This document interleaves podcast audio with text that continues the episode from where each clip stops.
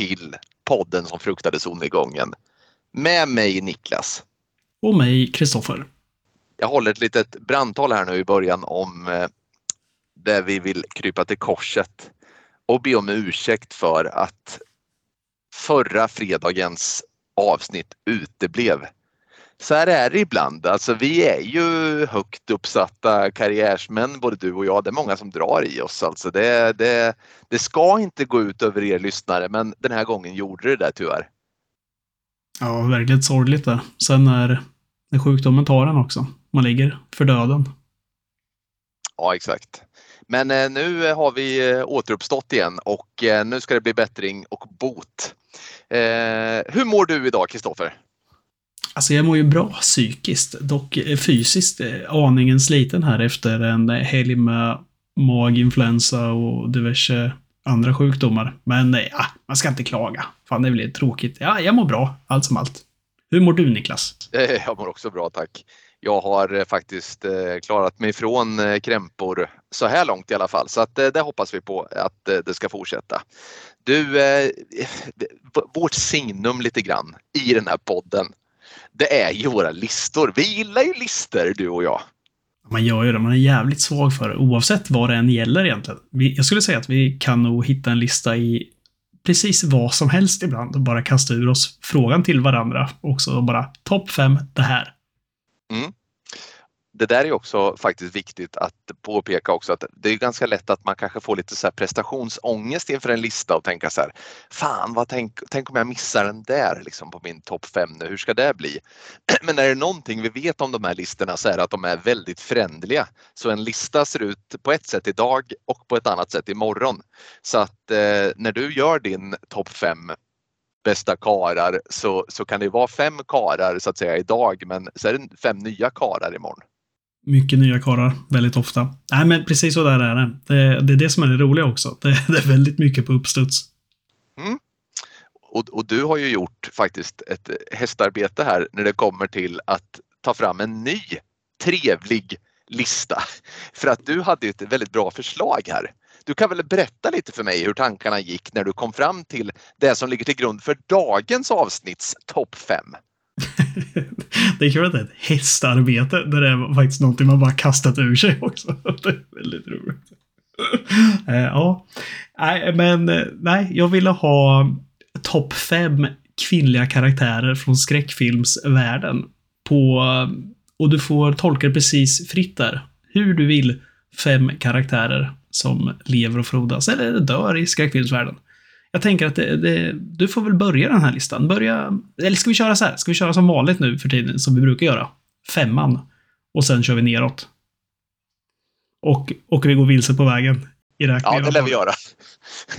ja, men du, bra. Jag vill bara först bara vilja lägga fram en liten brasklapp. Det var lite som den här listan vi hade senast här där vi pratade om de filmer vi har sett många gånger och vi bestämde oss för att exkludera till exempel Sagan om ringen och Star Wars och så vidare för att, för att de liksom, ja, det blir tråkiga listor.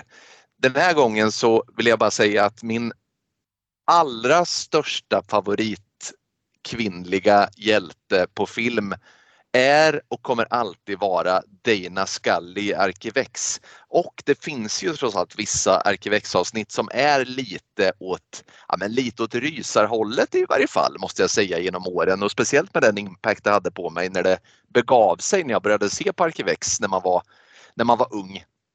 Men hon är inte med på den här listan utan skräck och Arkivex, nej det blev exkluderat. Jag vill bara säga det så att inte Dana Scully känner här att jag har liksom tittat åt annat håll plats nummer fem på min lista över mina favoritskräckkaraktärer. Då. Och det här är en karaktär som heter Ester ifrån filmen Orphan. Eh, spelad av Isabelle Furman heter hon. Eh, den här filmen innehåller ju en rätt så härlig twist tycker jag ganska nyligen sedd film för min del också. Så jag ska inte prata för mycket om det här. Men eh, det här är en eh, tjej som spelar en, eh, eller som spelas av, av den här Isabelle Furman som, som är, som väckte, gjorde väldigt starkt intryck på mig i den här filmen. Jag tyckte för det första att hon är jävligt bra spelad och så blir det, och liksom det börjar bra och lugnt och fridfullt och mynnar ut i någonting som är jävligt creepy. Och den här twisten i den här filmen fick faktiskt, jag fick gåshud av den. Och att jag kan säga så vid 40 års ålder, det är fan ett gott betyg. Eh, den här har du sett, Orphan. Mm, den är riktigt schysst. Jag gillar twisten på den också. Den är, den är ball. Ja, jag, jag, liksom, jag såg inte just det komma. Jag, liksom, man förstår ju åt varthän det bark, eh, barkar. Liksom. Men den här twisten tillsammans med den här karaktären spelad på det här sättet eh, ja, men gjorde att liksom, den blev en modern liksom, favorit för mig. Så att hon fick faktiskt eh, kvalificera sig in här på plats fem. Så det var min femma. Ja, men det var en bra. Det var en bra. Jag ska ta med en eh, karaktär som inte gör allt för mycket väsen av sig. Du eh, höll en eh, lång utläggning om den här. Och jag kommer inte kunna göra samma här, men eh, jag har faktiskt med en som du har pratat om tidigare här och det är Santanico Pandemonium, alltså Salma Hayeks karaktär från From Dust to Dawn. För att den är så jävla bra. Alltså, det är snack om att blanda det supersexiga med det super creepy vampyraktiga som finns i den. Och den där karaktären lever kvar också på något sätt. Den etsar sig fast. Kanske inte så mycket på grund av dess otäckhet, men kanske mest på grund av dess snygghet om man ska vara ärlig. Om du visste hur nära hon var att kvalificera sig in på min, eh, sa jag kvalificis, vad sa, vad sa, hur många S och hur många konsonanter blev det kvalificerade? Kvalificera. Nej, hon var väldigt nära på att kvalificera in sig på min lista också, men alltså, jag förstår att hon är med. Men eh, ja, nej, men skönt att hon fick komma med i dagens avsnitt i alla fall. Ja, det, hon måste in där bara. Så är det. Mm. Snyggt! Eh, bra film för övrigt. Också en jävla twist, fast på ett annat sätt kanske. Verkligen. Min plats nummer fyra. Det här är karaktären Vasquez ifrån Aliens av James Cameron, alltså uppföljaren till Alien. Hon är ju då ensam kvinna bland det här elitförbandet av legosoldater som ska åka till den här planeten då och eh, helt enkelt ta itu med eh, den här alien-invasionen som har skett där. Och hon är ju benhård. Hon är kanske hårdast av alla marinsoldater. En klassisk eh, line hon har där det är ju att en säger eh, till henne så här. Hej Vasquez, have you ever been mistaken for a man? No, have you? Säger hon till en karl då. Det tycker jag är fantastiskt bra faktiskt. Så att, eh, med sin bandana också, stenhård. Mm. Hon är ju med i något annat där. Jag har att jag skickade någon bild på det. Nu kan jag inte komma ihåg vad det var för någonting. Man bara så här, man fan det är ju samma person där. Nej, nu står det still vilket det var, men eh, otroligt hård karaktär. Ja, hon är ju John Connors styvmor. Eh, i Just det, det är den ja. Två, bland annat, i alla fall. Mm. Den hade gått Janet mig helt Goldstein heter hon. Mm. Hade helt eh, gått mig förbi tills jag såg det liksom bara. Men vad fan, det är ju samma liksom. Det, då ser, man ser det direkt liksom, när man tänker på det. Det är ja, konstigt. Mm. Ja, sånt där är roligt tycker jag. Mycket. Jag tar min fyra då. Och då är det en film från eh, 99. Jag vet inte om du har sett den. Det är den här Audition, alltså av Takashi Miike. Som är så här helt störd i huvudet. Han är alltså sinnessjuk den regissören. Det är bara en massa massa tortyr och liknande och blod och stänk hej vilt. Men den här är väl en av hans första filmer. Och i den här, för att den är så jävla störd, då finns det en tjej som heter Asami. Det handlar ju om en man som, eh, men en, vad säger man på svenska, en, eh, en enkling säger man.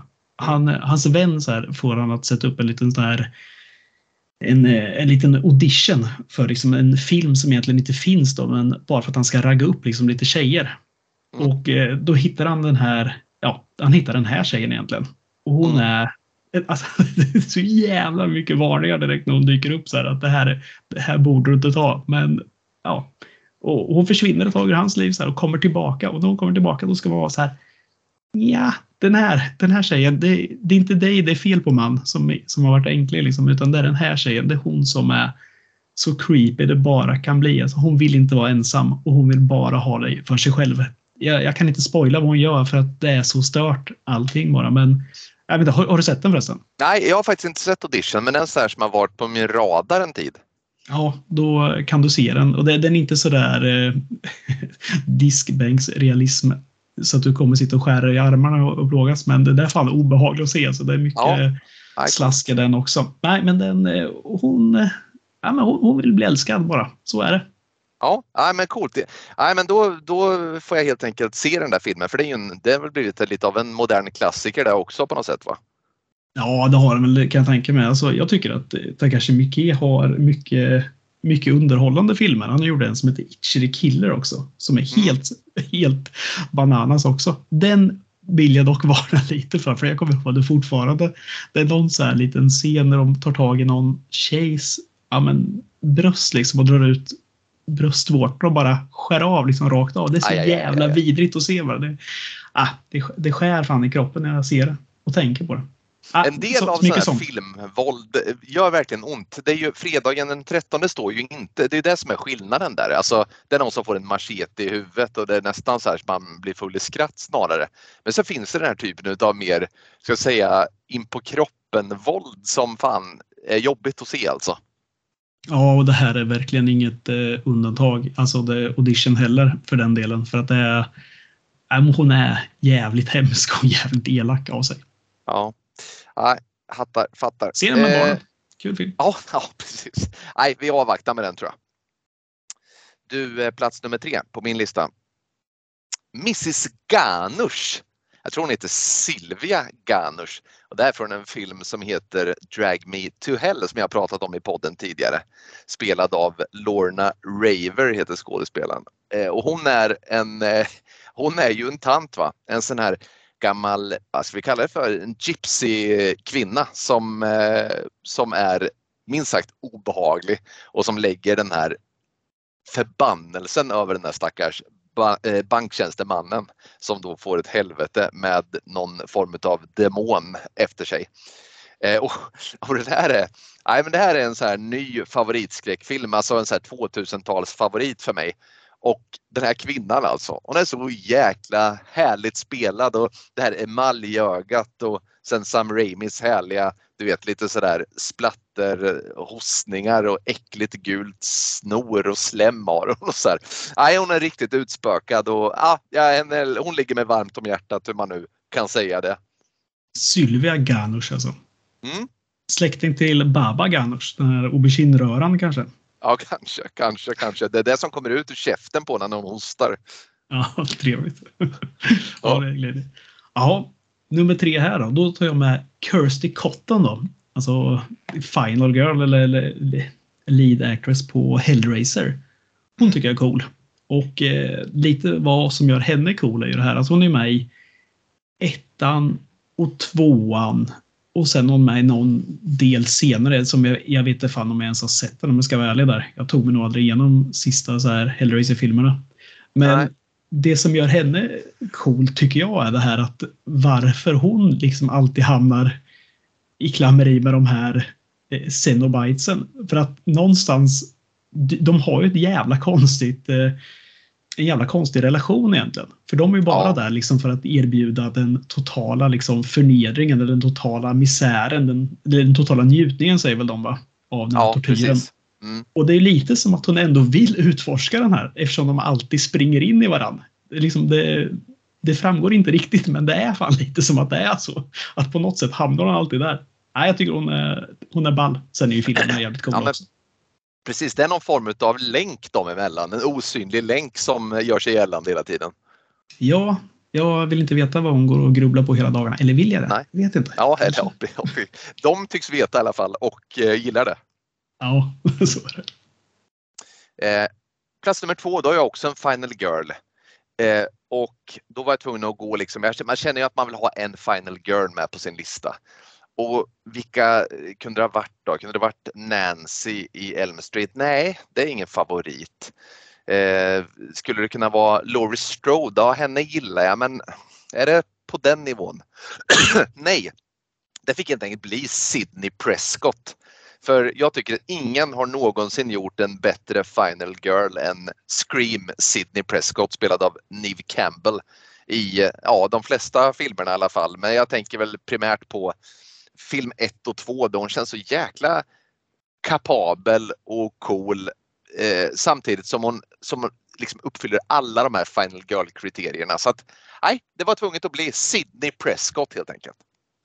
Hon är ju jävla tuff också, alltså, från början till slut tycker jag. Hon är inte ja. sådär mesig och behöver liksom eh, hitta sig själv på något sätt. Hon är liksom cool rakt igenom. Ja, och inte bara det där med att fly liksom i blindo någonstans utan det är hon liksom betalar tillbaka med full kraft alltså. Det gillar jag. Ja, fan det gör man. Mm. Ja, jag har ingen Final Girl på min nummer två här utan jag har Nej, jag, jag har den onda från Lida, Mystery, alltså Annie Wilkes. Jag gillar henne. Hon är, hon är så psyksjuk man kan bli och, och hon Ja, men hon har liksom en härlig plan också där med att hon ska skriva in sig i den här boken eller bara få den som hon vill. Jag tycker den är mästerlig den karaktären. Det är, eh, tack Stephen King för den alltså.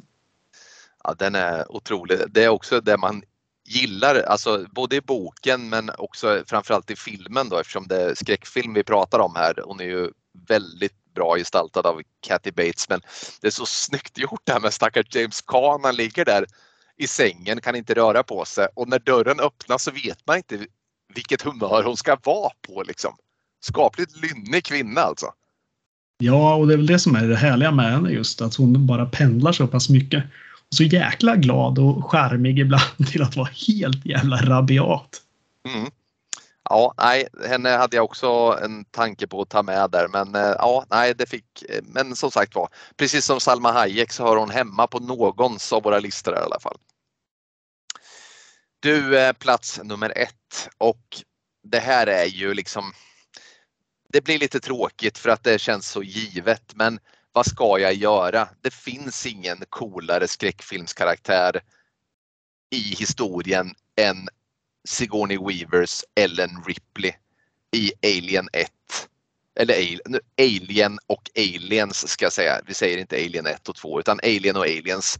Hon går ju igenom en jävla resa också. I Aliens är hon ju mer den här vad ska vi säga, lite mer naturvetenskapligt präglade astronauten liksom känns det som. Som, som, som är, arbetar på det här rymdskeppet och, och är liksom som, och är på ett sätt alltså mer, mer korrekt på något sätt och i Aliens då så blir hon lite mer präglad av de här legosoldaterna och visar sig vara den som faktiskt eh, bekämpar aliens allra effektivast. Den här underbara kombinationen av att hon är jävligt smart och jävligt tuff på samma gång.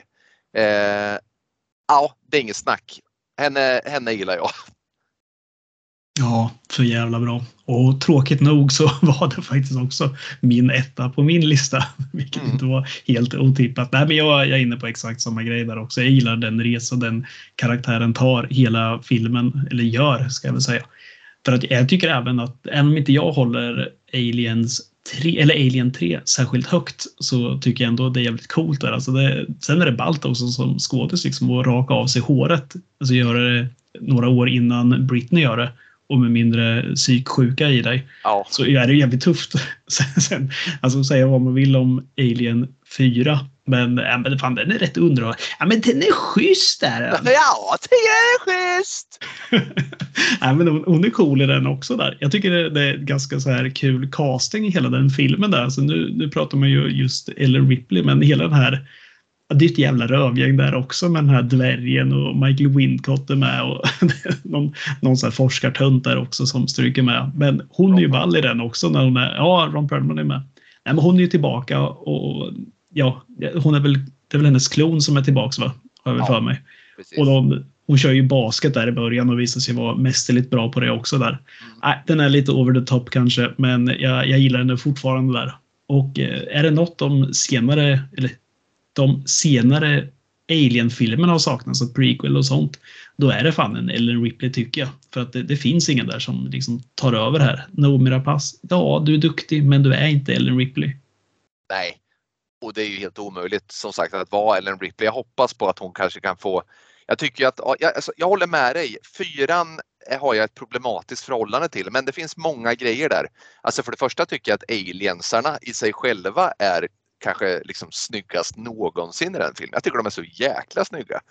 Eh, sen är det ju att Sigourney Weaver också, eh, det är ju så synd på ett sätt också för att trean slutar ju så otroligt bra. att hon tar med sig den sista Alien sen i, när hon slänger sig ner i elden där. Det är så jäkla snyggt så att det var ju synd att man skohorna in en uppföljare. Eh, men, men som sagt var, hon genomgår en resa och jag håller med dig också i Alien 3 där och hon rakar av sig håret. Eh, både hon och Natalie Portman gör sig väldigt bra i rakat hår faktiskt. Riktigt coola filmhjältar. Ja, fan det glömde jag bort. Natalie Portman där i uh, Vi får Vendetta är ju för jävla ball också. Mm. Eh, ja, nej men vad bra. Det är snyggt. Bra. Listorna fortsätter i all evighet. Så är det.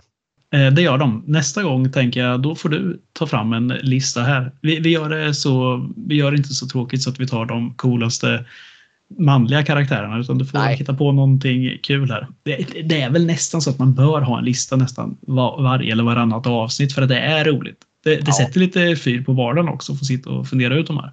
Ja, det är det. Listor är trevligt. Väldigt trevligt.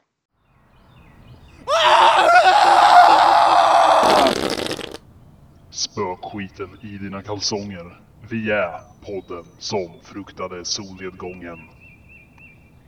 Vi har sett en film då, till dagens avsnitt. Ja. Och, eh, hade du sett den här innan? Det är ju Life Force, alltså rymdens vampyrer på svenska som vi har sett. Faktum är att jag inte har gjort det alls och Eh, jag tänkte du ska få berätta lite om det här mytoset kring den här filmen. Eh, nej, faktum är att jag, jag har inte sett den sedan tidigare och det här är ju vår gamle vän eh, Toby Hooper som har, som har gjort den och den är från 1985. Och som sagt var, jag kommer hålla mig till den svenska titeln. Det är inte ofta jag säger det, men jag tycker den svenska titeln är mycket coolare. Rymdens vampyrer har vi sett. Mm, det har vi. Nej, men det var, ja, jag kan inte hela delen här också. Det är en Canon-film, alltså bolaget Canon som eh, producerar den här. Och eh, de hade ju gett Tubby Hooper någon deal här innan att de skulle få göra tre filmer. Och det här är väl första av de tre.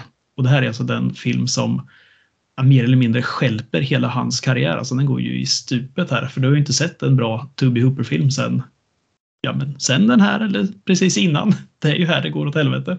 Mm. Men, eh, och likaså för alla andra i filmen också. Alla som skulle slå igenom med sina roller, det gick åt helvete för dem. Det, så var det. Sen eh, kanske det hade lite att göra med att den hade premiär samtidigt som Cocoon, alltså Ron Howard va? Som gjorde den. Ja, det var det va? Ja, släpptes väl exakt samma dag och det, det kanske inte var jättesmart att göra. Men det är en jävla... Alltså det, det är så jävla extravagant film där så det finns inte. Den har ju allt. Jag sitter och kollar nu faktiskt på just det där att den floppar sådant och, och som sagt var den gjorde alltså en, en worldwide gross som är dryga hälften av vad den kostade att spela in då så att det är väl inte, det är inte kanon. Det är ju det är alltså 12 miljoner dollar som den gick back då den här filmen. Ja, och då är den från 1985 också. Så att, eh, den, ja, det, är, det är tufft då. Stackars ja. Toby Hooper. Eller nej, jag vet inte. Nej, ja. men I vilket fall, alltså, det är ju, det är ju en jäkla cool ball film. Alltså, när jag började kolla, jag hade inte sett, jag har ju sett den två gånger nu för jag tog ju hem den här som någon slags så här, kul grej med filmer jag inte hade sett från 80-talet.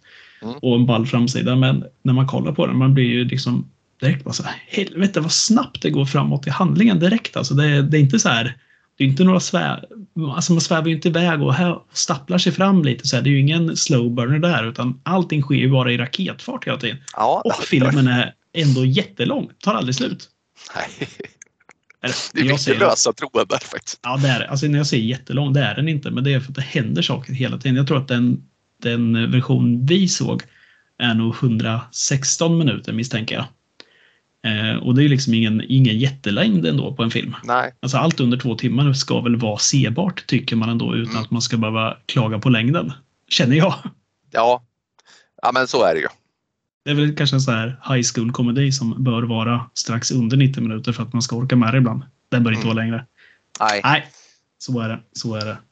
Du ville ha en liten eh, handling på den här. Jag har ju skrivit med min finaste penna här, min rosa ja. penna. Är det din Mont Blanc-penna som du har använt nu? Det stämmer. Det stämmer. Mm. På mitt eh, doftande papper. Papyrus. Ja, då är det så här. På ett rymduppdrag vid koman av Haleys komet påträffas några humanoider med en otrolig kåthet. Väl på jorden visade sig vara otroligt sluga då de våra människoliv taga genom att suga. London är nu ingen plats för halvmesyrer om du önskar att stoppa rymdens vampyrer. Mycket bra! Ditt första rim där går ju till historien faktiskt. Det var bra va? Det var väldigt bra. Ja, jag misstänkte det. Jag tycker det är otroligt kul att vi har rim och limrikar numera. Allt för att göra oss en USP i denna poddvärld. Ja, verkligen. Ja, men det var bra. Ja, men jag tycker också att den sammanfattar filmen ganska bra. För det är ju lite vad som händer här. Alltså vi har ju, alltså grejen är så här. Jag har faktiskt suttit och funderat lite på vart börjar man i denna eh, historia egentligen? Ja, vart börjar man? Alltså, man får väl nästan börja det alltså från början för att det är ju en, egentligen en rak alien-kopia eftersom vi ändå pratade Ellen Ripley tidigare. För att mm. vi har ju det här, det här rymdskeppet, nu kommer jag inte ihåg vad det heter, för något. Churchill heter det. Det här mm. skeppet som de är ute på förresten. Och det är någon slags så här kombo mellan vad är det, en britt och amerikansk besättning som dyker upp där vid Haleys komet. Då. Och de ser ju att det finns något litet annat skepp där helt plötsligt. Ingen mm. stor grej av det här. Att man måste liksom så här skicka ner till jorden och bla bla bla. Utan äh, nej, vi åker dit. Vi kollar på det. Så här, som att så här, ja, dit ska vi. Och så sticker de ju dit och det, där har vi helt... Alltså det är ju identiskt med Alien. Mm. Ja, just det, precis, just det där med att astronauterna kliver ur rymdskeppet och sen eh, liksom närmar sig då det här som, som visar sig vara en eh, potentiell dödsfara. Då. Eh, mm. Precis, det, det, känner man igen. Ja, men det gör man. Och sen när de är där inne liksom går omkring och så är det ganska kalt där. Och så ser man ju de här, ja men det är ju stora fladdermöss egentligen. Mm. Som, som finns. Som är liksom mer eller mindre går upp i aska där för att de har ju ja, de har inget blod i sig längre. De är ju Nej. så döda man kan bli. Just det, precis. Och eh, som sagt var, det är väl, vi kanske får, återkomma till just eh, för, för, de kräver kanske sitt eget lilla, lilla input då, de här eh, utomjordingarna. Men vad sägs om att börja lite med karaktärerna för det är ju också en jäkla spretig skara men den första eh, herre vi bör eh, liksom ta med här det är ju The Main Astronaut Carlsen spelad mm. av Steve Railsback. Ja, men precis, precis. Han hade du något på. Det var en gammal Arkivex-skådis där. Ja, eh, jag hade faktiskt, det här var ju ett dubbelavsnitt i Arkivex som jag sen hade på VOS. Det avsnittet hette Abduction. Det handlade helt enkelt om att en eh, snubbe vid namn Dwayne Berry Eh, helt enkelt blev eh, bortjagad eller bortförd av utomjordingarna om nätterna och, och var jäkligt stressad över det här. Då. Eh, och det här var ju någonting som intresserade Malder då såklart eftersom hans syster, hela liksom Arkivex baseras på att hans syster har blivit bortförd och eh, också vill hitta the truth eh, som finns där ute. Eh, Carlsen som sagt var, den här snubben, vad har du att säga om honom då? Jag tycker han är fruktansvärt lik Antonio Conte, en ung. Men eh, nu har vi bara dragit likheter. det är bra.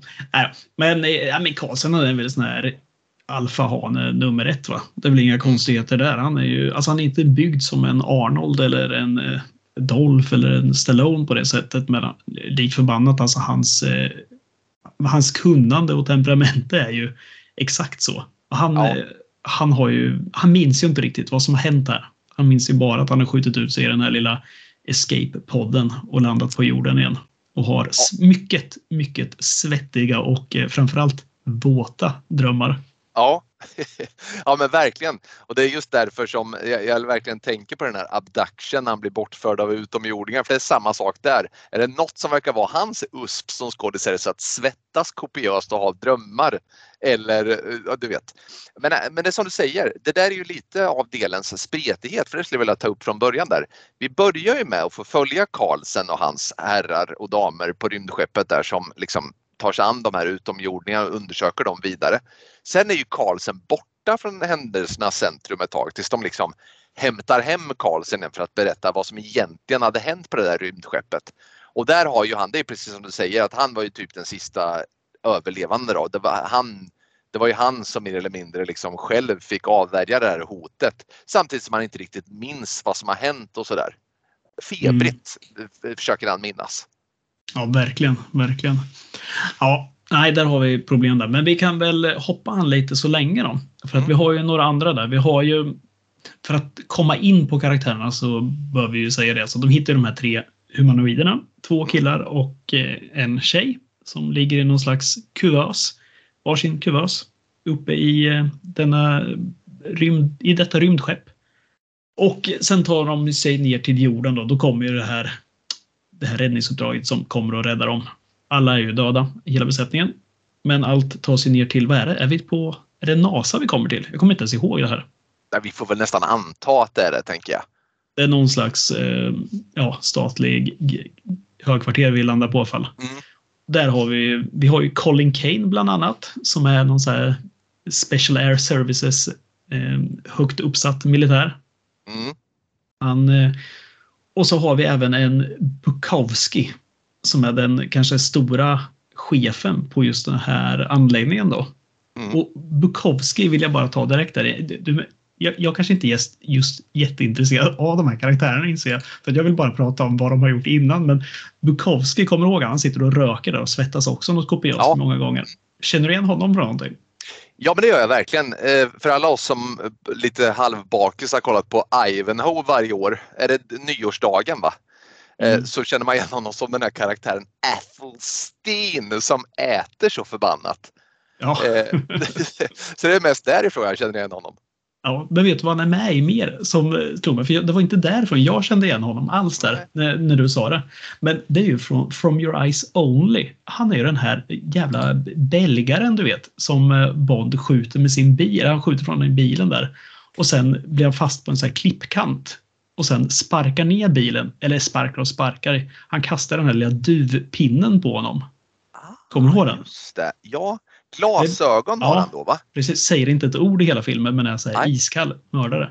Ja, Det, tog, det där tog bra lång tid innan eh, det föll på plats där. Det, och det här är ju bara för att man liksom gått in och kollat så här, vad fan kan det ha varit? Bara, Jaha, det är den där jäveln.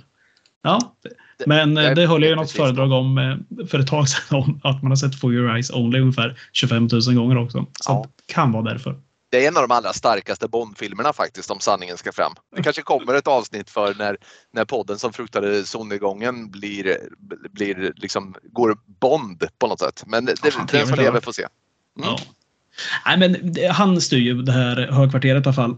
Och eh, ringer ju in den här andra Colin Kane då, som också dyker upp. Och Colin Kane blir ju väl någon slags, eh, vad ska man säga där? Eh, Men de blir ju... Det blir ju han och Carlsen som eh, blir de två hjältarna i filmen sen. Det är de radarparet liksom. Och Kane är ju där, han är ju som sagt, han är ju, han är ju, han är ju polis liksom. Men det konstiga här, alltså jag måste bara få, få stanna vid det. det. Det är väldigt, alltså så här, det konstiga här som om det, vi kan prata i singularis vad gäller konstigheter, det är inte det det är frågan om.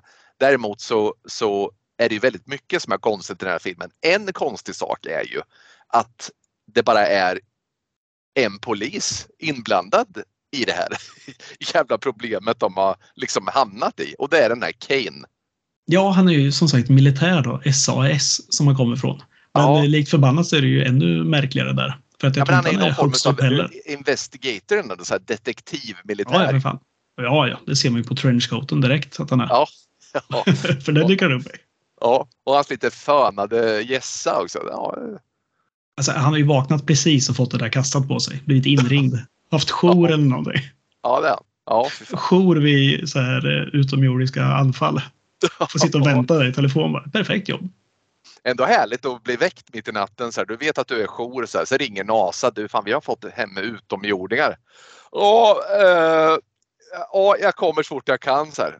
Och snosa lite till. Liksom. Tänder en cigg och drar på sig trenchcoaten. Sen bara far iväg. Ja, perfekt. Alla röker i den här filmen också. Det är härligt. ja, det gör de. Man är glad att se. Det tycker jag är trevligt. Nej, men det där är ett jäkla gäng. Sen har vi den här Hans Fallada också. Som är den här forskaren som också kan tänkas ha blivit, varit på jour och blir inringd. Som av en slump eh, lyckas få ur sig också att han har forskat i livet efter döden. Vilket är liksom helt orimligt. Varför så här, ja, men, alltså, an- man fattar ju varför det, det förs på tal eftersom de här humanoiderna, om man nu kallar dem så, ligger liksom i någon slags dvala i de här och ingen vet om de är döda eller ej. för, en, för oss åskådare framgår det ganska tydligt att de inte är vid samma liv som oss människor kan tycka. Nej, men Men eh, det, görs, det ska göras någon bedömning där och huruvida de ska obduceras eller ej då. Och det är väl därför de ska ha den här Falada där och ja, Kane och alla de här andra då. Nej, det är ett jäkla gäng i alla fall. Men Fallada. Det är ett Ja. jävla... Alltså det är ju ja, men så här, Carlsen, Kane, ja, Fallada. Jävla karl. Han är väldigt lik Pellegrini, Manchester Citys gamla coach. Ja, väldigt lik, lik honom. Och Ja. väldigt kul, jag berättade för dig också där att den som skulle egentligen spelat honom var ju Klaus Kinski där också. Det hade kunnat Mm. bli alltså totalt haveri. Om den här filmen nu var en flopp, tänk om Klaus Kinski skulle gå in och briljera som Hans Fallada också. Ja, Ja, fan, att de här, ett erotiskt rymdäventyr med Klaus Kinski, det säljer inte i mina ögon. nej. Nej, det är så, nej, det är så jäkla... Ja, nej, det hade, det hade väl... Jag vet inte liksom, om det hade kunnat bli mindre, eller så här, om det hade kunnat bli mer rörigt med Klaus Kinski. Men det hade, det hade varit en extra dimension om Klaus Kinski spelade Fallada i den här filmen. Det hade det faktiskt. Jag tror just ordet dimension är liksom det som är i den här filmens alltså antingen storhet eller svaghet för att det finns lite för många dimensioner. Ja, det liksom det. allt, allt är, inget är, inget är mellanmjölk i den här filmen. Allt, allt eller inget på alla. Ja, visst. Ja, det är underbart. Mm. Men vi, vi måste väl också prata om de här eh, tre utomjordingarna som då anländer till jorden då, i, den här, i det här skeppet där alla har dött. Vi har ju två stycken eh, grabbar. Vad kan de vara? Så här 25-årsåldern kanske? Ja. Någonstans där, strax under 30. Eh, Rätt anonyma fattar vi ju ganska snabbt för fokuset i, de här, i den här filmen ligger ju absolut inte där skulle jag säga. Vi skiter ju fullständigt i de här grabbarna. Att de ligger där barbröstade. Bara ju liksom, det vi vill ha är ju Space Girl som ligger här i sin kuvös. Som har, av en slump så ligger ju den här den här lilla montern där hon är i har ju en sån här metallband runt eller vad det nu kan vara. Träffar ju precis över eh, tuttarna när Mm. kameran åker över. Och då tänker man så här, ja men så var det på den tiden. Det var inte så mycket sånt här. Hur lång tid satt man med den tanken kvar sen? Nej, den slopas ju efter en halv sekund. Sen är det full frontal nudity resten av filmen skulle jag säga. Jag skulle säga att hela den här filmen är i stort sett en enda lång mannekäng-gång från den här kvinnan. Ja, det är det är det Naken verkligen. mannekäng genom hela filmen. Liksom. Ja, jag skulle nog kunna sträcka mig till att säga att hade man klippt ner den här filmen lite, gjort den kanske till 60 minuter lång, då hade den här kunnat spelas på TV6 Action klockan 12 också. Det är ungefär lika ori orimlig handling också. Man har inte Ja, ja, fattat visst. någonting, men ändå haft typ tre, fyra knullscener som man bara hade suttit och bara ja, ja. Mm. Det, det funkar väl här.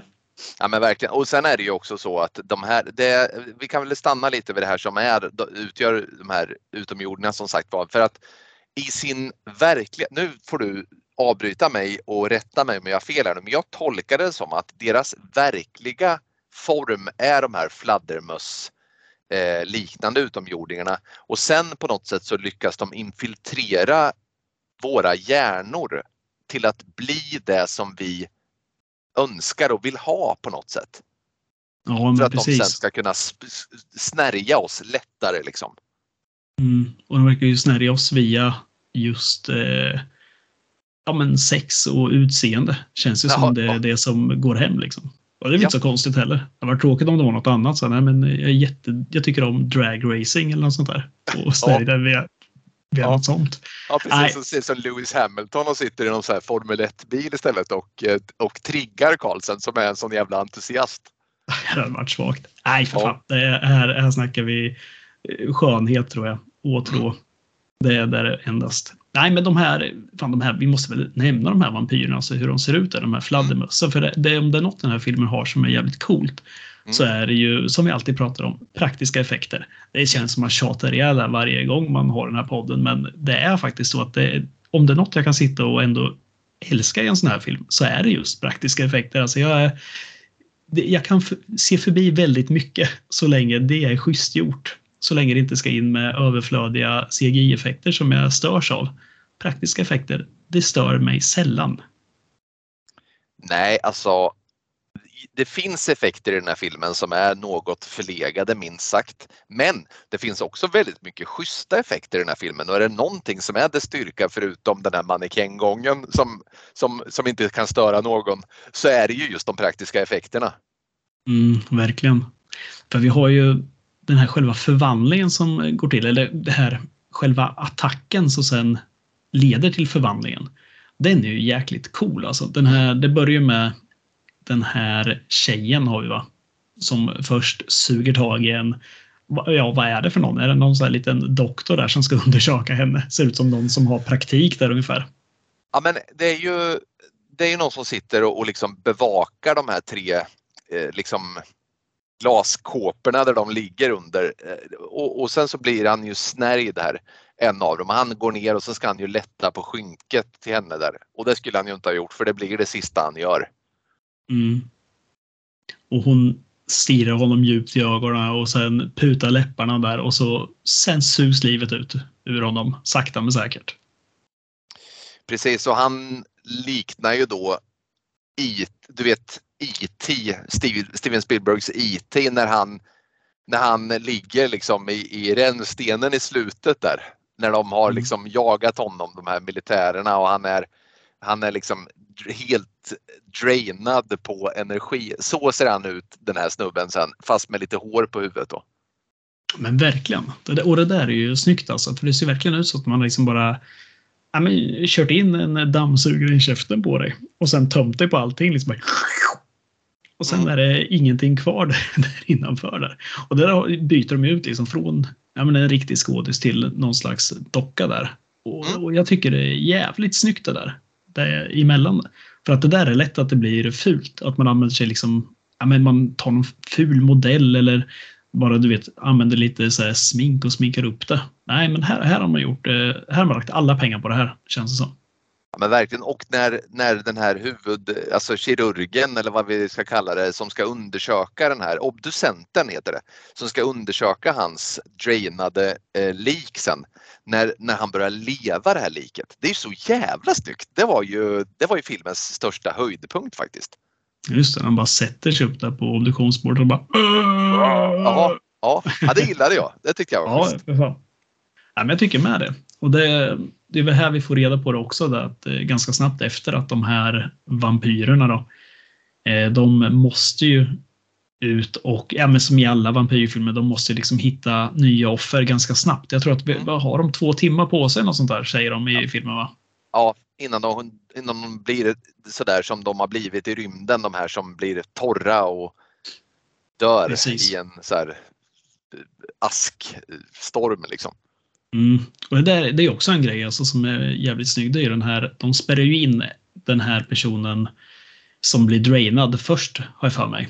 Mm.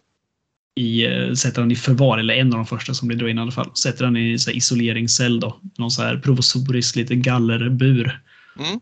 Och så säger de ju bara, men kolla, på, så har de redan sett en som har gått upp i rök. Så eller petat lite på. Men den här killen som sitter där, han blir ju galen och så springer mot gallret där alla står. Och sen precis när han träffar gallret, då går han ju upp i rök liksom. Är så här, ja. Bara flyger. Och det är ju skitsnyggt verkligen. Ja, det är det verkligen.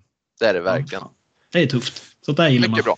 Ja men det är bra, mer sånt. Men det som är grejen sen och det är lite där som, som jag tycker det, härifrån sen det är, ju, det är ju här man ringer in Karlsen för, för när hon liksom, hon går ju, hon försvinner ju iväg ut i, eh, i samhället och, och det är här det börjar bli för mycket trådar till höger och vänster och det är här de kallar in Karlsen igen då för att förhöra sig om vad var det egentligen som hände på det där rymdskeppet. Och det är nu det kommer en explosion av händelser som, som de aldrig följer upp igen riktigt. Ja, verkligen där. Så Carlsen eh, har ju överlevt som sagt. Han har ju skjutit ut sig med sin lilla escape-pod och berättar ju en historia där om att den här, ja, de har ju försökt hjälpa de här tre där uppe liksom och tagit hand om dem. Men att en, om det är någon sån här radiopojke eller vad man ska kalla det. Radiopojke mm. är fel benämning givetvis, men förminskning av någons tjänst. radiopojke. Ja, okej, okay, skitsamma. Han du är en poddpojke. En poddpojke. Nej, men den här radiosnubben där uppe, han har ju gått bananas och slagit sönder liksom hela komradion Och sen, eh, ja men han har gått samma öde till möte som de andra vi sett i filmen. Han har liksom Mm. bara förtvinat där uppe. Japp. Och en efter en på skeppet har ju gjort det också. Och eh, Carlsen har väl insett att det måste vara de här som ställer till det. Och sen försökt förstöra skeppet och skjutit ut sig själv. Ja, ja men precis, precis. Och, ja, men, och han, är ju, han har ju en, och det tror jag också har att göra med att, eh, att de, hon kanske fick den här formen eh, av den här kvinnan då som är minst sagt fager. Det är väl kanske att den första hon kommer i kontakt med uppe i rymden, det är Carlsen. Så är det liksom hans, hon är liksom en produkt av hans inre önskan om vad som är perfekt. Mm. Eh, Så därför så har ju hon har ju sen ett, ett, ett band till Carlsen genom hela den här filmen där han han, han vrålar ju, det är väldigt svagt, han vrålar så här, varför är du så perfekt på alla sätt? Snacka om så här och, och trycka upp, du brukar säga att du inte vill ha saker upptryckt i ansiktet på dig själv men det, det får man ju där. Ja, hela den här filmen får man det konstant. Det är liksom, ja, men som sagt, det är allt eller inget hela tiden den här. Mm. Och det är sånt jäkla överflöd med allt. På, på gott och ont. Men nej, jag håller med dig. Det, så är det verkligen. Det är också väldigt kul när han vaknar upp i den här sängen där. Han är, de tar ju in honom för, som sagt för någon slags förhör där. Eftersom han helt plötsligt dyker upp i den här escape-podden och sen samlar de in honom. Han får givetvis ta på sig en vänsterstruken uniform direkt och Mm. kammad till, till, till rätta. Och sen ska det förhöras. Och sen får han bara lägga sig och sova. Och jävlar, då kommer den här erotiska drömmen igen. Då är TV6 igång igen vid midnatt. För den är lång. Och det är nog så här. Det är mycket sammet där och plysch och det är så här, lila ljus och naket. Och, och det ska... Det, det, om, nu ska man inte vara den här, men kan du pr prata lite om kyssarna i den här filmen? Mellan Karlsson och den här. Känns det äkta på något sätt? Jag känner att det är väldigt hastade kyssar hela tiden. Här. Ja, ja det, ja, som sagt det är ju inte, här, det är ju inte Leonardo DiCaprio och Kate Winslet direkt som vi tittar på utan det här, det här känns eh, väldigt forcerat på många sätt. Ja, väldigt obekvämt varje gång man ser det också. Slätar Ja. av varandra ordentligt skulle jag säga. Ja, det, det har verkligen. Nej, men det, det är sjukt. Ja, ja, det är roligt. Nej, men det vi får, och nu bär det av efter det här förhöret. Nu, det är nu han slår ihop sig med Colin Kane där. Och de ska iväg på det här. För det här är... Nu tas vi med på den största omvägen jag någonsin varit med om i en film. För jag förstår inte den här biten av filmen riktigt. Det är nu vi ska till det här mentalsjukhuset. Eh, Först och främst, den här tjejen har ju gått eh, vidare efter man efter man och eh, ja, sugit lite liv och sen även tagits in i en ny kvinna då. Får Ja. vi reda på också. Och, det, och det, det här känns också bara som att eh, den här filmen försöker ju forcera fram minsta lilla erotiskt ögonblick den kan hitta måste uppmärksammas något kopiöst. Mm. Och det blir väldigt mycket, alltså, ska, får man kalla det så här lite så här gladporr eller så här erotisk buskis av det ibland. När den här, för när den här Space Girl-tjejen då träffar den här andra tjejen som sen, nej, nu är de ju i England då, och då kommer de ju till den här brittiska landsbygden. Och då, ser, då, då lyfter ju hon med någon så här äldre herre där. Och börjar så här visa upp sin, eh, ja, med sina lår och så ta hans hand och liksom lägga där och sen föra upp längre och längre upp. Och han sitter där och ser ut som, ja men du vet, du vet hur det skulle se ut, en buskis som en präst läste en porrtidning ungefär. Alltså den minen har han. Ja, ja precis. Fast han inte Ja. kan sluta givetvis. Nej, verkligen. Där sa du något förresten. NASA, vi pratar NASA och det, som sagt det är ju Storbritannien så det, det kanske är någon så här. Jag förknippar ju i alla fall, jag vet inte om NASA kan ha filialer vill jag bara säga där kort. Men, men jag förknippar ju det med USA egentligen så det kanske är Storbritanniens då motsvarighet av NASA som vi är på för övrigt. Mm.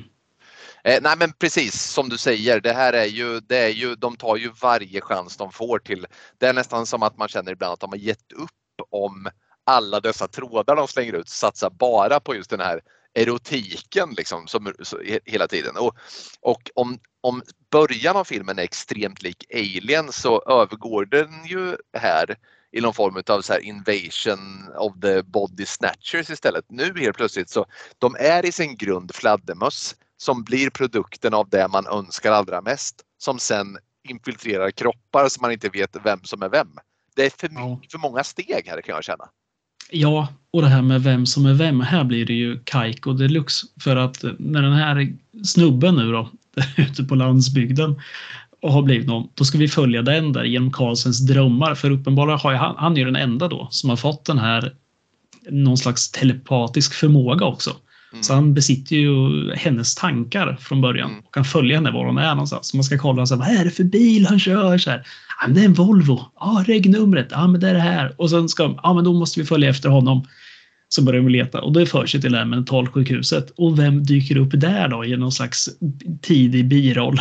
Om inte en, eh, ja, Patrick Stewart av alla.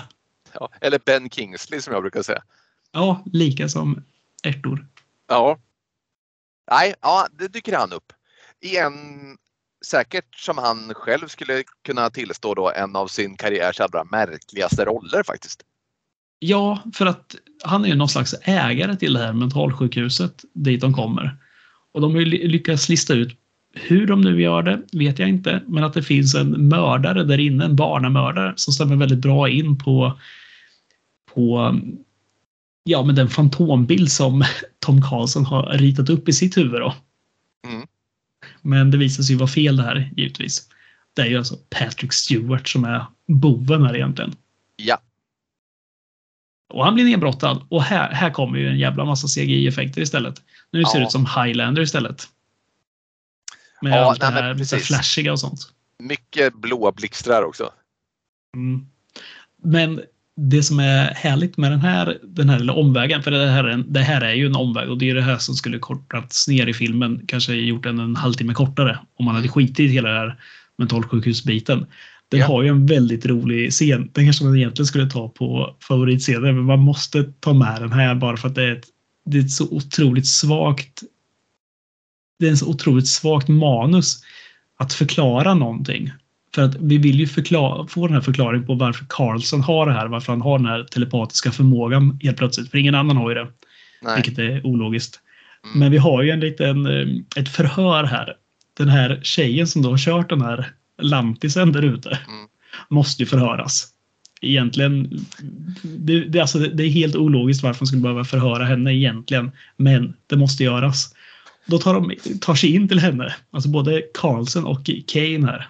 Och Carlson, det första han säger är när han tar tag i henne så här. Nej, den här kvinnan, hon är en masochist. Alltså hon, hon kommer gilla att jag plågar henne för att få ut de svar jag vill ha. Bara det är ju så här, jaha, sitter man och tänker så här, ja så är det väl då. Så här. Och så på bästa Sean Connery-manér där så ger han en, en varm kind och Mm. skakar henne ordentligt också. Ja. Vad man säger till Kane så här, "Ja, men du, jag förstår om du behöver gå ut här för det här är, jag kommer behöva hårdhänt. Och han, Kane säger så här, nej, för all del, jag sitter gärna och tittar. Det är så jävla konstigt bara. Ja, fy fan. det Ja, det inte är bra ut i CVt för Kane där när- de ska, de ska gå igenom det här uppdraget efteråt. Så här, "Hej, vad hände där inne? Så här, "Nej, men jag satt bara och kollade när han bitchsläpade runt henne lite. Njöt. ja, ja, men verkligen. Ja, men det, är, det, är, det är jävligt konstigt faktiskt. Det är sjukt märkligt. Just att det måste in också. Ja, Det hade inte varit lättare att bara förklara hans den här telepatiska förmåga på något annat sätt än att ha just en masochist. Det känns bara som att det är så skohornat framtvingat på något sätt. Liksom, varför skulle det vara så speciellt att hon är det också? Det är, det är väldigt få människor som är det, tror Ja, jag. precis. Men det jag inte fattar var, är, är liksom, är det den the original Space Woman eller är det bara liksom spåren av henne? Jag tror att det bara är spåren. Hon har ju tagit sig vidare efteråt ju. Ja, Till Ja. den här andra. Så att hon där är ju oskyldig egentligen. Som är ja, det. ja, det, ja precis. Ja, jävligt konstigt. Vilket också Ja. är väldigt konstigt. Nej, det, Ja. det är otroligt märkligt. Men nej, vi lämnar den där avkroken. Vi tar oss till London igen där. För nu, nu går ju allt åt helvete. här. För att hela London blir ju helt plötsligt invaderad av, Av, rymd, av rymdens vampyrer. ja, av rymdvampyrer. Och nu, nu är de praktiska effekterna mer eller mindre slut här. För nu är det islander-effekter igen här. Nu är det blåa blixtar som, som sveper genom Londons gator och eh, ja, suger livet ur var och varannan person den träffar. Tycker du att filmen gör ett bra jobb med att presentera de här rymdens vampyrerna som, ett, som ett, liksom ett växande problem? Ett, ett, ett så här, en, en, kraft vi inte kan övermanna som bara blir fler och fler? Eller skulle du säga att det går från noll till hundra på en sekund? Där?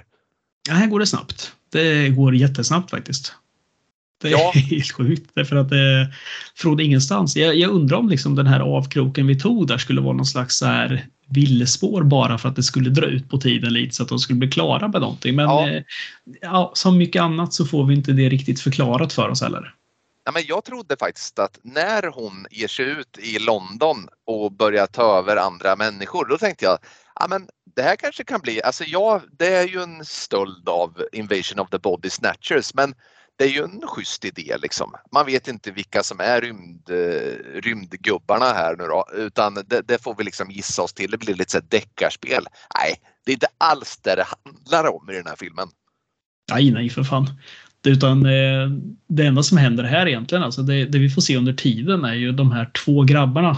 De här mm. andra eh, varor, vad tänkte jag säga, vampyrerna.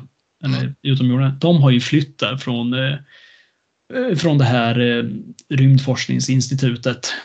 Och det, är ju ganska cool scen förvisso, tycker jag. Den påminner lite så om klassiska 80-tals så här, Terminator och liknande filmer. När de, ja men du vet, nakna reser sig, går igenom, eh, ja, tar sig ner våning efter våning. Folk står och massakrerar och skjuter dem med alla möjliga kulsprutor. Och de bara går helt iskalla igenom dem egentligen. Kan inte stoppas. Ja, men det, den tycker jag är ball. Alltså det, det är ju en schysst scen. De peppar sönder glas och det sprängs i vilt sådär. Mm, det är absolut. Mycket extra på allt som sagt. Explosioner och sånt. Ja, det, det är ball. Men sen som sagt, sen kommer ju alla de här strålarna och börjar ta över människor. Men det man måste nämna här också, för vi måste ju, alla sådana här filmer har ju alltid ett sätt som, som visar hur man kan döda monstret. Ja. Det får man ju alltid förklarat för sig på något sätt. Alltså i, i alla vampyrfilmer är det ju alltid underförstått att en påle genom hjärtat eller lite vitlök, du vet kors och sånt där. Det finns liksom, det har man ju med sig. Ja. Många andra filmer sår något litet frö en gång tidigt om någon slags rustikt antikt vapen som kan användas för just den här ondskan och dräpa. I varje Conjuring-film vet vi vad som finns. I, var, I The Nun så finns allt som har rört vid The Body of Christ kan användas för att eh, mer eller mindre döda undan. Yes. I den här filmen så hittar vi det absolut svagaste någonsin. Det är alltså den här forskaren Hans Fallada. Hans mm. Fallada också. Enchis brorsa. ja, precis. Han, han, säger ju bara det någon gång så här. Han bara tar ju upp ett, han sitter ju på sitt rum. Man får väl utgå från att han typ sitter och samlar på såna här gamla rustika vapen eller någonting. Jag vet inte vad det är för något. Han får ett paket levererat till sig med ett gammalt svärd. Mm, det, är ju, alltså, för, till att börja med, alltså, jag, jag måste bara få åter... Jag, vi har ju pratat lite om eh, Falada här, men jag måste bara säga att såklart är det ju han som då är som forskar om döden. Hur, hur fan man nu gör det vet jag inte, men han forskar om döden och det är därför som han vet hur man ska döda rymdens vampyrer. Eh, ja, det, så är det bara. Han har ju hittat att det finns en liten punkt, alltså när de suger livet ur dig så samlas all kraft, alltså all livskraft då. Fastnar i någon liten punkt så strax, om det är under hjärtat där till vänster. Det har han hittat bara sådär, medan de andra har varit iväg en timme. Han kanske borde satsa på någon annan slags forskning så här. Aids, cancer eller liknande. Så här. Ja. Jävligt rapp där i tanken. Verkligen, verkligen. Eller så här, forska på, jag menar, vad som händer efter döden lär vi ju bli varse vi alla. Så att, så att det är kanske bättre att forska om något som hjälper oss här och nu i, i livet, tänker jag. Ja. ja.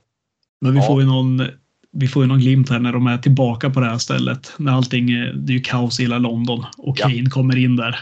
Och eh, Falada, what are you doing? Och så säger ju Falada det att han är, har hittat liksom vad, vad det är som sker och allting. Och man märker att han är, men, lite utbyte är han väl. Han är inte sig själv riktigt. Nej, förr bytte han. Ja, men inte så helt fullt ut känns Nej, det som heller. Utan, inte först i alla fall. och så visar det sig liksom att han har dödat en av de här. The only way they can be killed with a sword. Okej, okay. ja, då var, då var det så. Om du ja. säger det så. Du som ändå är forskare efter döden. Hans ord är lag. Ja. Och det är så jävla skitsvärd också. Så jävla järntung jävla järnsvärd som ligger Det där. är Som det är väldigt tailat på kul alternativ titel. Alltså, han forskar om vad som händer efter döden. Det hade varit kul om han istället var att han har gett sig den på att bli forskare efter döden. Ja, ja, det var fan mycket bättre. Svagt. Ja. Ja. Nej, men så, och då blir det ju de där döda. Han dödade ju honom där inne också. Men då, och, och inser att det enda som går att döda de här vampyrerna med, det är ju att liksom hugga dem där under hjärtat då. Så att, då är det bara att plocka med sig svärdet va? Eh, ja, du, du tar med dig svärdet och sen går du till nästa, nästa vampyr så att säga. Nästa rymdens vampyr. Ganska många vampyrer då och har dött eftersom hela London som sagt, de kör ju genom London. Här är ett ganska snyggt parti också. Det påminner mycket om någon sån här gammal, ja men typ Dawn of the Dead känns ja, det som. precis. Det här är ju inget att klaga på. Fast det är rymdens vampyrer och inte zombies liksom.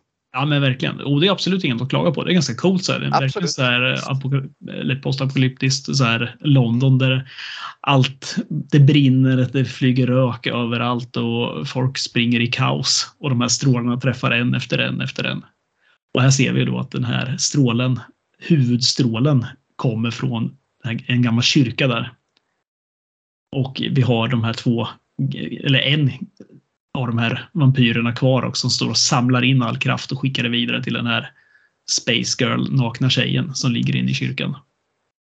Men eh, kan du inte ta oss till kyrkan där? Vi, nu blir det att man går igenom filmen, men man måste istället, det är en sån jävla flum i filmen. Ja, det är så rörigt ja. Ja, Ja. kan du inte bara ta det här när de kommer till kyrkan? För det, det är ganska kul ändå tycker jag. Eh, ja, det är, ju, det är ju Kane som har det här eh, the, the, the Sword of Thousand Destinies med sig.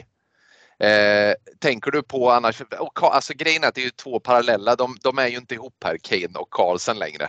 Carlsen eh, står i någon form av, av omsluten boss, ja det är boss 2 va nästan? Ja, Ja, 1 ja, i för alla fall. De Ja. ja. touchar varandra i alla fall. Ja det gör de ju. De är ju har, nu har ju även, nu har ju även Carlsen tagit av sig varenda klädesplagg för att han är ju han är ju semisnärjd här av, av hans drömkvinna, den här rymdkvinnan. Då. De står ju och eh, slätar av varandra minst sagt. Medan Kane springer genom London med sitt Sword of Thousand Destinies. Mm. Där står ju den här figuren som du talar om här. Den, den, den, den, den första dödar ju Lala, inte Lalada? Enchilada. Eh, Fan, Fallada eh, dödar ju den första och den andra karn där är ju kvar och han står ju som någon form av, ja men något form av kärl som precis som du sa vidarebefordrar liksom de här eh, själarna, människornas själar och energier upp till the mothership. Och där på bästa Jan Selechny-manér kastar ju Kane det här i bröllat på honom där ju. Mm. Eh, och prickar, ja, han är ju väldigt bra på att pricka alltså. Ja, han kastar ju ner den till, eh, till Karlsson som Ja, sen hugger. han, han dödar ju först den här första ju. Ja, ja, du menar så ja. Precis, Ja, den här ja. han som står och Ja, skickar precis. vidare. Han Ja, kastar svärdet på honom. Sen tar han ju svärdet och springer vidare. Sen slänger han ju ner det till Karlsson. Mm. Karlsson som sen har en inre monolog med sig själv. Han vill fortsätta och gå till bas 3 och bli ett med henne för evigt. Men å andra sidan vill han ju rädda mänskligheten här ju. Ja, det är en ganska lång där när han står och tittar upp där i de här eh, neonvindarna. Han står ju som i någon slags cyklon, eller så här, ja men, ja, men en cyklon nästan, som är, som är runt om där. Och så hö- hör man han, Kane som är en våning upp liksom, så ropar Carlsen! Carlsen! Det här är alldeles för långt också. Det tar liksom aldrig slut på det. Ja, två timmar om vi skulle köra. kalla dig för Karlsson. Eh, och jag ska ringa dig varje dag och skrika Karlsson på det sättet. Och Karlsson tittar ju till slut upp där ur sin erotiska mardröm? Frågetecken. Och- liksom ser att det där, det där svärdet kommer ner. Och sen hugger han. Rakt igenom. Det är ju härligt att han hugger liksom henne genom ryggen och sig själv genom. Ja. Det, är- det är ändå trevligt. Ja, det han. Ja, precis. Ja, ja, men så är det. Eh, och, och det. Och det var så det var tvunget att sluta för att få stopp på den här invasionen av rymdens vampyrer helt enkelt. Mm. De, de försvinner ju upp där sen, båda de två. Liksom blir, de blir väl ett där uppe. Ja, det blir de väl. Jag tänker väl att de eh, reser vidare genom rymden och hittar någon annan förtappad planet som kan utsättas för deras, för deras hiskligheter. Fortsättningen är nog totalt barnförbjuden misstänker jag i alla fall. Det tror jag också. Det vet vi att den är. Ja, Ja, det, för det, vi, vi, den slutar ju liksom bara där. Vi har inget så här, vad som hände i jorden eller någonting, utan vi har bara så här, snipp, snapp, slut. Så var Carlsen och Space Girls liv slut. ja precis. Och, och faktum är ju, ja men precis. Vad händer med alla de här? För att som sagt, så som man får tolka det så är det ju typ bara Kane och Carlsen som är eh, människor fortfarande. Eh, Ja. Känns det ju som. Ja, det är inte många andra som har klarat sig. Kanske landsbygden har klarat sig bra där.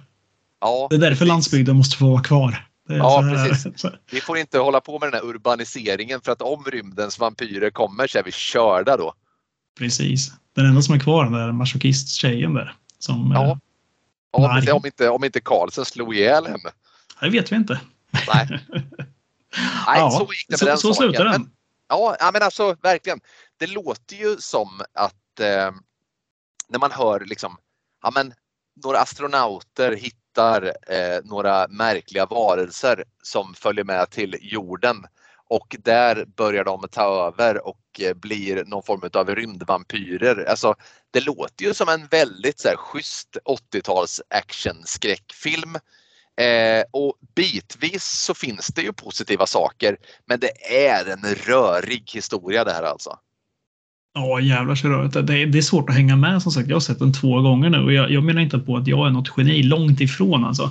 Men eh, jag tycker mig att jag bör kunna se en sån här film av Tubby Hooper från 85 och följa med i handlingen utan att liksom sitta helt förvirrad efteråt andra gången. Men det är något där i mitten som händer som gör att det, det, det pekar åt alla håll helt plötsligt.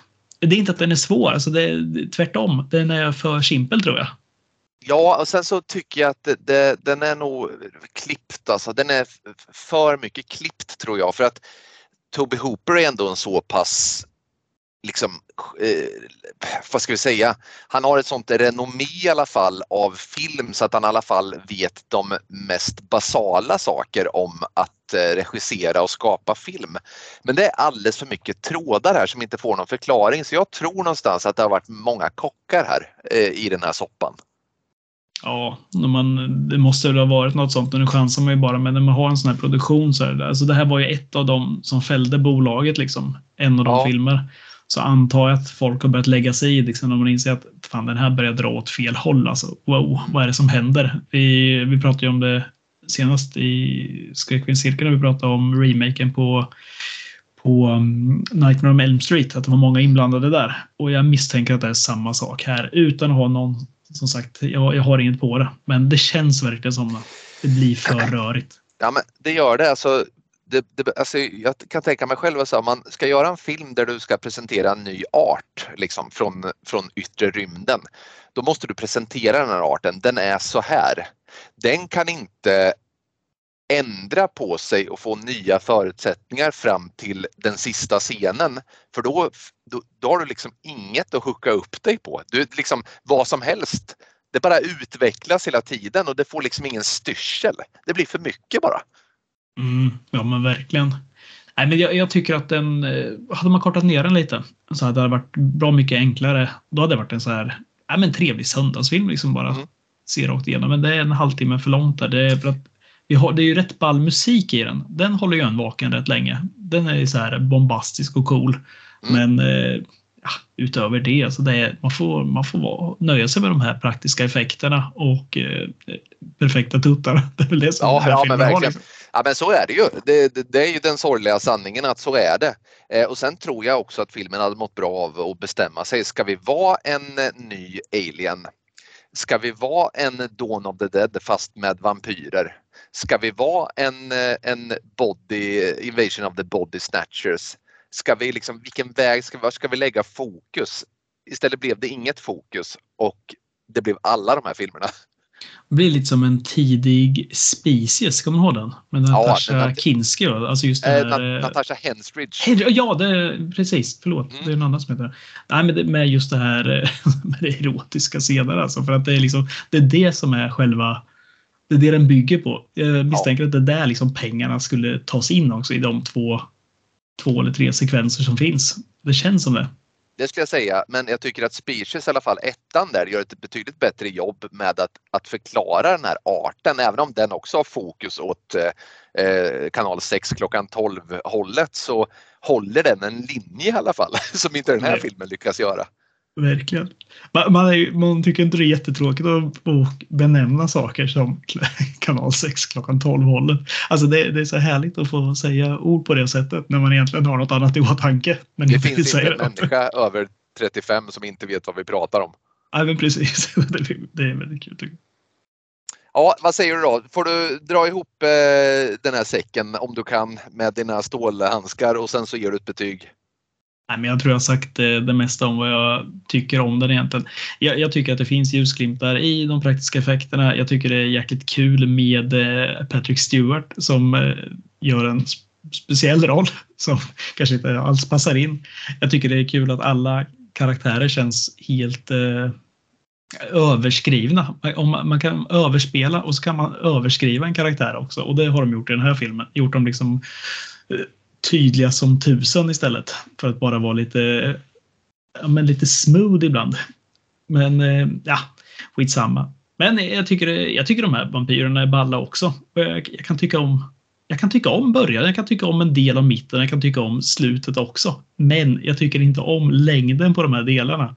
Om Berserker var alldeles för kort och hade liksom ett, en bra början och ganska ointressant mitten så att ja, den här filmen får väl också något sånt. Alltså det, den klarar inte av att hantera längden. Det, det gör den inte. Men har jag tråkigt? Ja, dessvärre har jag faktiskt ganska tråkigt större delen av mittenfilmen och ända fram tills det kanske är fem minuter kvar. Så att ja, ett betyg. Andra gången jag såg det, första gången så var det väl en tvåa och jag, jag kan nog inte säga annat att det här är nog en tvåa. Andra gången jag ser det också, två av fem. Sen om det är en stark tvåa, nej, det, det, vet du vad det är? Det är den tråkigaste tvåan man kan få. Det är, liksom, det är bara en tvåa, varken plus eller minus. Ja, ja, det är ju en film som, som har potential och som har starka delar. Det är de här praktiska effekterna och det är ju, den osar ju så här härligt eh, 80-tal på många sätt och det, det, är, eh, det kan man ju bara så hylla. Eh, jag betygsätter faktiskt senast, jag har liksom inte gått igenom alla filmer jag har sett utan men all ny film jag ser betygsätter jag på IMDB. För att bidra på något sätt till att motverka det kommer jag inte göra såklart, men att i mitt huvud kan jag få tro att jag motverkar att Marvel når topp 10 på IMDBs topp 250. Då kan jag kämpa emot det genom att ge alla Marvel-filmer 6 av 10, vilket jag i stort sett har gjort. Eh, Lifeforce fick 5 av 10 av mig, vilket betyder 2 plus då får man väl säga.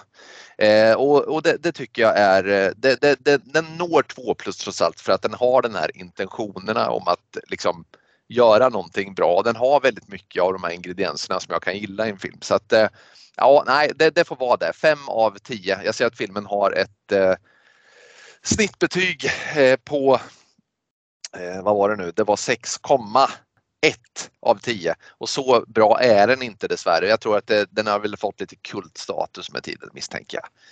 Eh, det, visst kan man se den här filmen, det kan man göra men leta inte ihjäl er för guds skull för att eh, som sagt var den är en halvtimme för lång. Och eh, låter inte luras av de här sexan klockan 12 delen av filmen. Då finns det bättre filmer för den. För det ändamålet. Om det bara är det du vill åt, ja precis kanske finns unga lyssnare som ser det här som någon slags escape. Ja, ja men precis, precis. Nej men du, bra. Det var, det var dagens avsnitt. Nu lovar vi att hålla tidsplanen här framåt eh, igen så ses vi nästa vecka igen i podden som fruktade solnedgången. Podden som pratar film i allmänhet och skräckfilm i synnerhet. Vi ses i nattens erotiska mörker.